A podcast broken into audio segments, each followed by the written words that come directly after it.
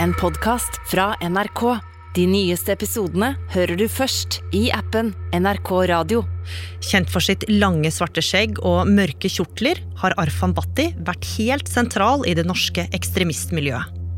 Nå er mannen som er omtalt som en av landets farligste, sikta for medvirkning til Oslo-terroren i sommer. Men det er langt fra første gang Bhatti er i politiets søkelys. Allerede i tenårene hadde han vært dømt for knivstikking, tyveri, trusler, skyting, torpedooppdrag og vold mot politiet. Er du en trussel nå når du kommer ut på din første perm? Jeg vil ikke si det, men politiet vil si det. Hva er det egentlig med denne mannen som gjør at han er så frykta? Og hvorfor blir han kobla til terror gang på gang? Du hører på Oppdatert. Jeg heter Gry Veiby. Det er tidlig på 1990-tallet, og 15 år gamle Arfan Bhatti har rømt hjemmefra. Nå er han på vei inn i en liten matbutikk på Bislett i Oslo. Under buksa hans, stramt inntil den ene leggen, har han festa en diger kjøkkenkniv. Den mørkhåra tenåringen går inn i butikken, forbi kassa og henter seg en glassflaske med brus i kjøleskapet. Så venter han tålmodig, uten å vekke oppsikt, helt til han er den eneste kunden i butikken. Da går Arfan Bhatti fram til kassa og slår brusflaska i hodet på butikksjefen. Og før butikksjefen rekker å skjønne hva som egentlig skjer, napper den unge gutten fram kniven fra buksebeinet og stikker ham flere ganger i brystet og i magen. Etterpå, mens butikksjefen ligger skada på gulvet, setter Arfan Bhatti seg på disken og spiser en sjokolade. Og journalist her i NRK, Olav Døvik, hvem er egentlig denne tenåringen? Ja, dette er en 15-åring som fram til nå har hatt en litt uh, trøblete oppvekst. Han vokser opp i Norge med foreldre fra Pakistan. Som barn så går han på flere forskjellige skoler rundt omkring i Oslo. Samtidig så blir han tidlig involvert i Oslos kriminelle miljø. For allerede som 13-åring blir han med i den norsk-pakistanske gjengen Young Guns, faktisk som deres yngste medlem. Young Guns er Oslos eldste gjengmiljø og har siden 90-tallet vært rivaler med B-gjengen. Dere har laget en gjeng og trener for å kunne slåss og kunne forsvare dere. Men hvis du hadde fått juling av en eller annen, så hadde du sikkert tatt igjen. Og etter denne knivstikkinga på Bislett så blir han dømt til sju måneders fengsel for grov vold. Men det her skal ikke bli hans siste møte med rettsvesenet. Nei, på ingen måte. Gjennom 90-tallet så er Arfan Bhatti involvert i flere kriminelle episoder. Han blir bl.a. dømt for trusler, pengeutpressing og ulovlig bruk av våpen. I tillegg så sitter han i fengsel i flere år pga. torpedovirksomhet. Eh, men i 2001 så får han lov til å dra på en eh, kort permisjon. Og det går ikke så veldig bra, egentlig. For når eh, permisjonen er ferdig, så møter ikke Batti opp, noe som strengt tatt betyr at da har han rømt fra fengselet, og politiet slår med det full alarm. Og siden han på dette tidspunktet soner en sikringsdom, altså det som heter forvaring, så blir Batti regna som en farlig person, og han etterlyses over hele landet. Det blir en intens jakt på Batti, som beskrives som en farlig voldsmann på rømmen i avisene. Til slutt så finner de ham på et utested i Oslo som heter Baronen og Baronessen. Der sitter han med en ladd pistol på seg. Og så havner Batti i fengsel igjen. Og der blir han sittende i flere år, helt til Høyesterett kommer med en ny vurdering og Batti blir sluppet fri. Så nå lever Batti som en fri mann, og ifølge seg selv så har han fått et nytt liv. Han er helt åpen om den kriminelle fortida, men nå som han nærmer seg slutten av 20-åra, så sier han at han føler seg mer voksen og mer ansvarlig. Ikke bare har han fått seg jobb, han har også blitt pappa for første gang. Og sett utenfra så kan det kanskje virke som at Batti har klart å komme seg bort fra de kriminelle miljøene han vanka i før. Men noen år seinere, i 2006, skal han på nytt dukke opp i politiets søkelys. Søndag 17.9. rundt klokka halv tre på natta så blir det avfyrt flere skudd mot Det mosaiske trossamfunns synagoge på Sankthanshaugen i Oslo. Til sammen elleve kuler borer seg inn i det hvite murbygget og etterlater seg store søkk i fasaden. Like etterpå er det noen som ser en mann løpe vekk fra stedet, før han setter seg inn i en bil og forsvinner. Politiet jakter fortsatt etter mannen som i natt skjøt en rekke skudd med automatvåpen mot synagogen i Oslo. Rett før klokken 2.30 i natt høres skuddene av et automatvåpen i Bergstien ved Sankthanshaugen i Oslo. Det var også veldig mange som passerte dette stedet fra 0200 til 0300 i natt, og som jeg tror kan ha opplysninger til politiet som er interessant. Og Olav, heldigvis så blir jo ingen skada under denne skytinga, men politiet får raskt mistanke om at Batti er innblanda i saken. Ja, for noen dager etter denne hendelsen så blir fire unge menn pågrepet. En av dem er altså den da 28 år gamle Arfan Batti. På det tidspunktet så har han allerede vært i politiets eh, søkelys eh, en stund, annet fordi han er sikta for trusler mot eh, krimjournalist i Dagsavisen Nina Jonsrud. Det kommer også fram at Batti har hatt et forhold til den profilerte krimjournalisten i TV 2, Karianne Solbrekke, og hun må sitte i avhør med PST i flere dager fordi de vil finne ut hva hun vet om det som har skjedd. Men selv så nekter Batti for å ha noe som helst med dette å gjøre. Men han blir jo faktisk tiltalt for skytinga, og to år seinere så havner han på tiltalebenken i retten. Og dette her er jo noe som mange skal legge merke til, Olav. Ja. På dette tidspunktet så er jo han allerede en kjent kriminell i Norge, og når han kommer inn i retten den ene dagen, så har han på seg en svart og hvit eh, strikkegenser som er helt lik egentlig den Nokas-raneren David Toska hadde på seg da han eh, satt i retten noen få år tidligere. Og Det er jo et slags stunt for å vise at han er en eh, uskyldig fyr, og han, han smiler og virker veldig selvsikker ved siden av advokaten sin, da, som er Jon Christian Elden. Men eh, det at han smiler og virker jovial, hjelper jo ikke så mye, for snart så blir det spilt av noe som omtales som en terrorsamtale i retten. Og det er et avlytta telefonopptak mellom Batti og en av de andre tiltalte, der de snakker om ulike angrep. Ikke bare mot synagogen på Sankthanshaugen, men også mot den amerikanske ambassaden. Men til tross for det så blir han ikke dømt for terrorforsøk. Nei, retten eh, mener at eh, denne skytinga ikke faller inn under den såkalte terrorparagrafen. I stedet så blir Batti dømt for grovt skadeverk, eh, noe som er et langt mildere lovbrudd. Nå skal det jo sies at Batti var tiltalt for flere hendelser i denne rettssaken, blant annet grove drapsforsøk, men flere av disse ble han frikjent for, og han ble altså ikke dømt for terror. Uansett så blir Batti nok en gang dømt til å sone flere år bak murene. Han får en forvaringsdom, og retten legger vekt på at han nesten ikke viser tegn til anger, og at det er store sjanser for at han vil begå nye lovbrudd. Men Arfan Batti velger å anke dommen, og etter flere runder i retten skal det skje noe litt spesielt. For Batti ender med å bli frifunnet, og i 2010 er han igjen en fri mann. Og nå velger han å bruke tida si på noe ganske interessant. For Batti begynner plutselig å dukke opp i diverse rettssaler som publikum. Ja, det er faktisk litt rart. Eh, nå begynner han å dukke opp som tilhører i rettssaker der andre er tiltalt for terror. Og det her skulle jo du også bli vitne til, Olav. Ja. I 2011 så var en fotograf og jeg i retten for å dekke den første terrorplanleggingssaken i Norge noen gang. Det var tre menn som var tiltalt for å ha planlagt et terrorangrep mot Jyllandsposten i Danmark, eh, bl.a. Og på den første dagen der så kommer Arfan Bhatti inn, litt etter at egentlig rettssaken har starta, og setter seg på tilhørerbenken. I den første pausen så blir han bedt om å gå. Det velger han å gjøre. Han reiser seg opp, og så roper han eller sier 'svin' til aktoratet idet han går ut døra, og vi filmer det.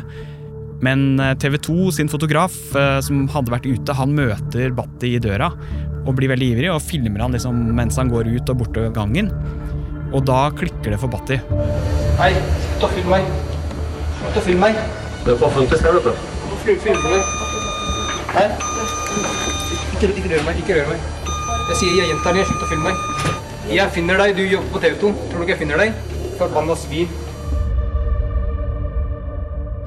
Og de politifolka som står og holder vakt utafor rettslokalet, de må gå imellom.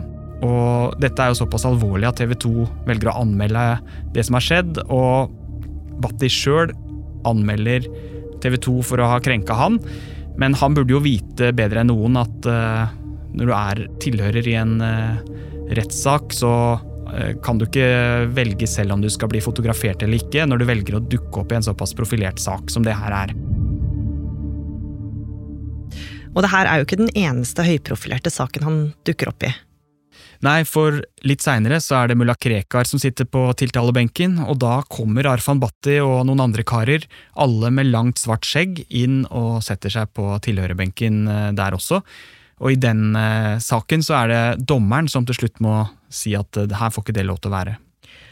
Men selv om han ikke alltid får lov til å være til stede i retten, så fortsetter Bhatti å være en tydelig skikkelse i media, og dukker blant annet opp i demonstrasjoner.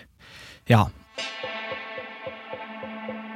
Høsten 2012 så er den første store demonstrasjonen hvor vi får høre om profetens Umma, som er en ekstrem islamistisk eh, gruppe på Østlandet, og de demonstrerer utenfor den amerikanske ambassaden i Oslo. Obama! Obama!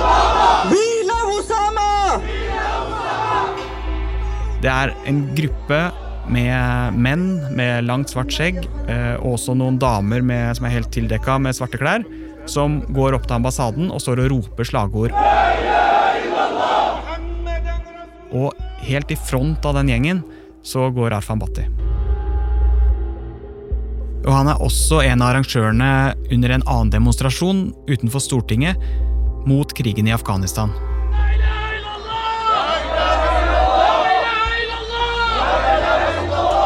Vår lojalitet ligger hos Allah subhanahu wa ta'ala våre undertrykte muslimske brødre og søstre mujahideen, som kjemper mot okkupantene for å befri det muslimske land og det muslimske folk.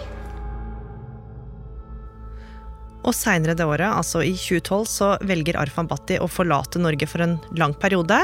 Han reiser til Pakistan, hvor foreldrene hans kommer fra, og på Facebook så deler han bilder der han poserer med digre automatvåpen i henda. Men så, i 2013, så forsvinner han plutselig.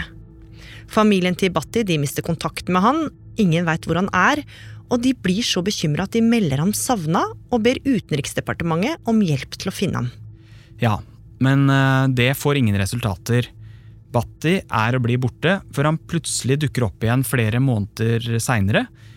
Da sitter han isolert i et fengsel i Pakistan, men han vil ikke si noe om hvorfor han er der.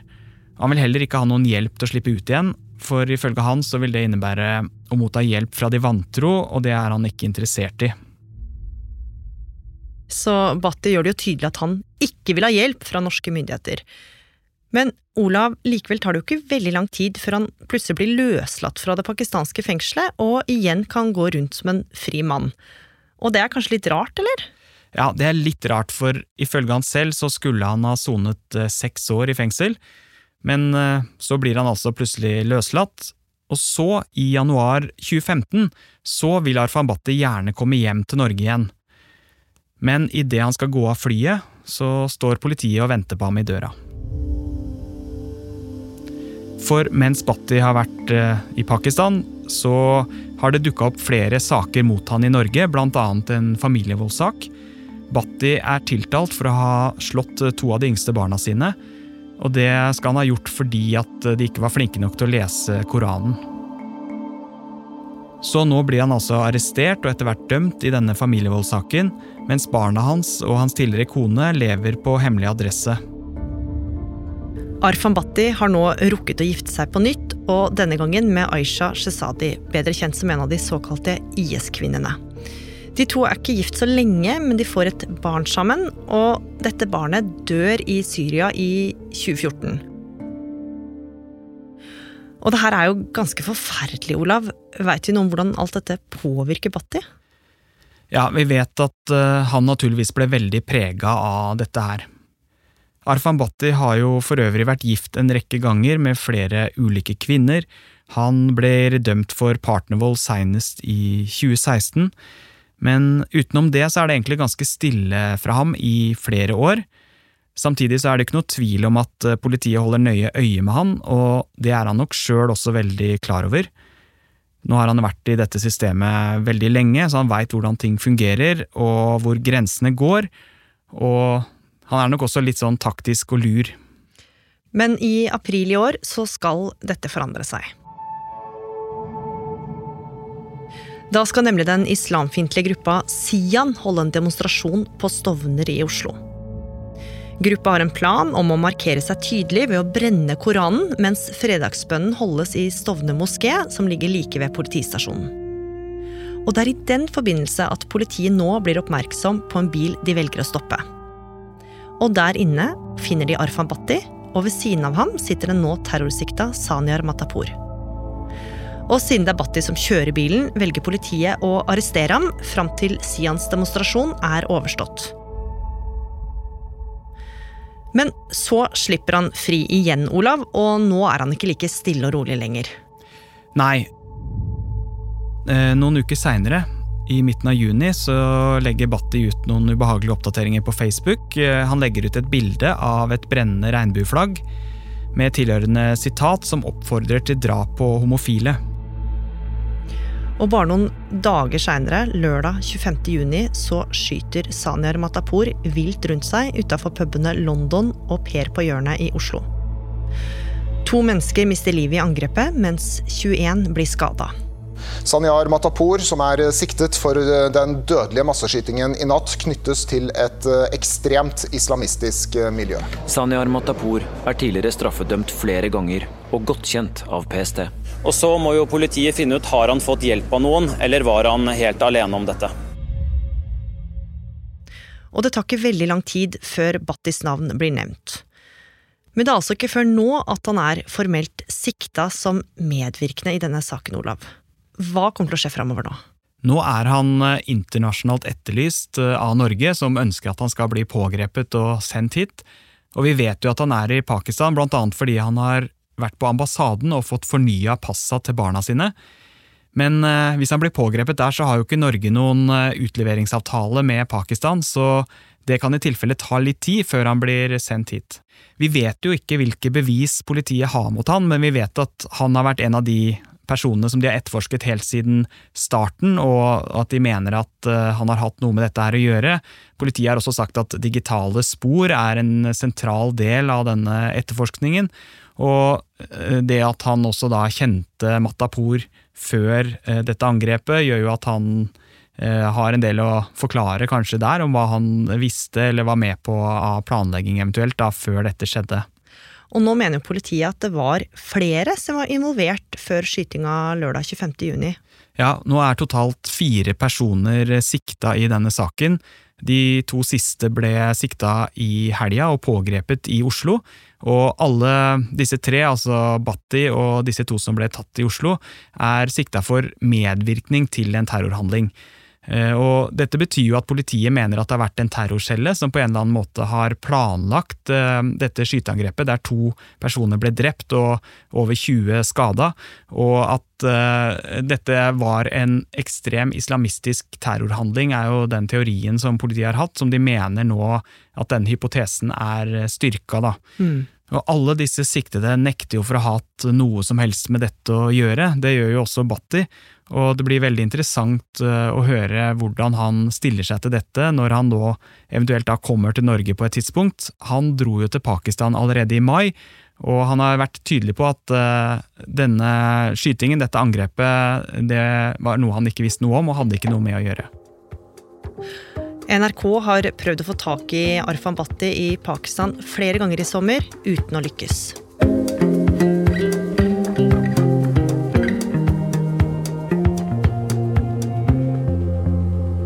Oppdatert er en podkast fra NRK Nyheter. Og denne episoden er laga av Line Orfjell. Andreas Berge. Espen Bjørlo Mellem. Og meg, Gry Veiby. Programredaktør er meg, Knut Magnus Berge. Klippene du har hørt, er fra NRK og TV 2. Har du tips eller innspill, så må du gjerne sende oss en e-post på oppdatert krøllalfa nrk.no. Hei! Har du lyst til å bli rik? Sånn skikkelig rik? Uh, millioner norske er det største jeg har vunnet på én dag. Jeg heter Kristian Strand, og i podkasten Millionærhjerne møter jeg unge mennesker som tjener sykt mye penger. At jeg har på konto alltid minst tre millioner. Minst. Lær deg de smarte triksene fra pokermillionæren, musikkmillionæren eller gamingmillionæren. Millionærhjerne hører du først i appen NRK Radio.